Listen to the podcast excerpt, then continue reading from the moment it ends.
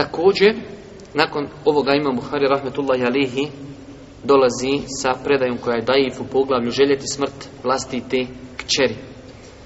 Predaja od Ibnu Omara radijallahu ta'ala da je Ibnu Omar čuo čovjeka koji je znači priželjkivao smrt svoje kćeri.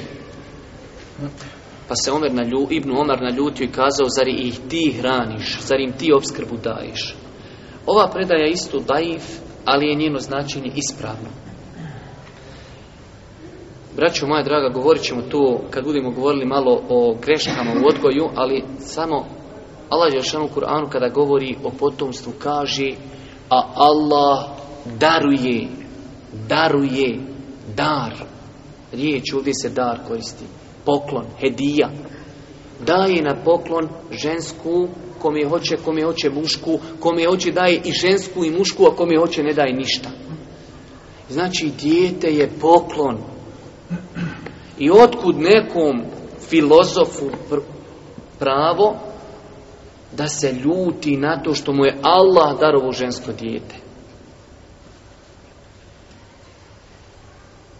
Znači, to je, braću moja draga, kao što ćemo vidjeti, ništa drugo do džahilijetski običaj predislamskih Arapa, da su se ljutili ako im se rodi žensko dijete, ali bi su zadovoljni sa muškim dijetom. Čak, znate svi, o idel su ilet kada bude djevojčica koja je živa, ukopana u zemlju, upitana na sudnjem danu, li eje zembin utilet, zašto je ubijena?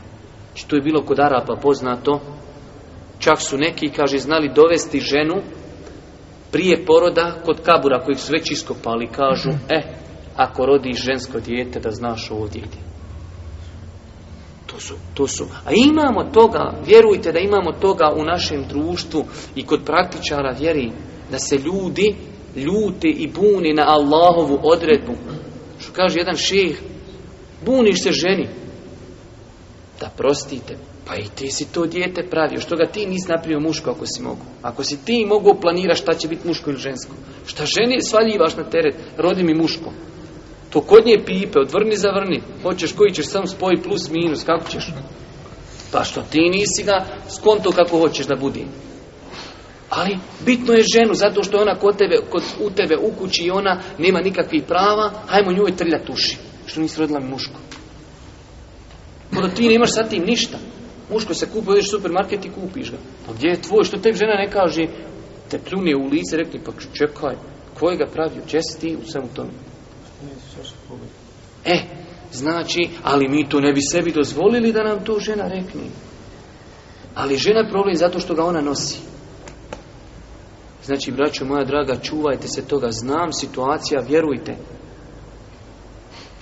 Jer čovjek se zna ljutiti na Allahovu odredbu, pa ga Allah iskuša. Ili dijete, Allah dadne da se, razumiješ, žena zatrudni, pa belaj, što, kako, kako ćemo, hoćemo li pobaciti ili nećemo, pa Allah dadni tu svašta.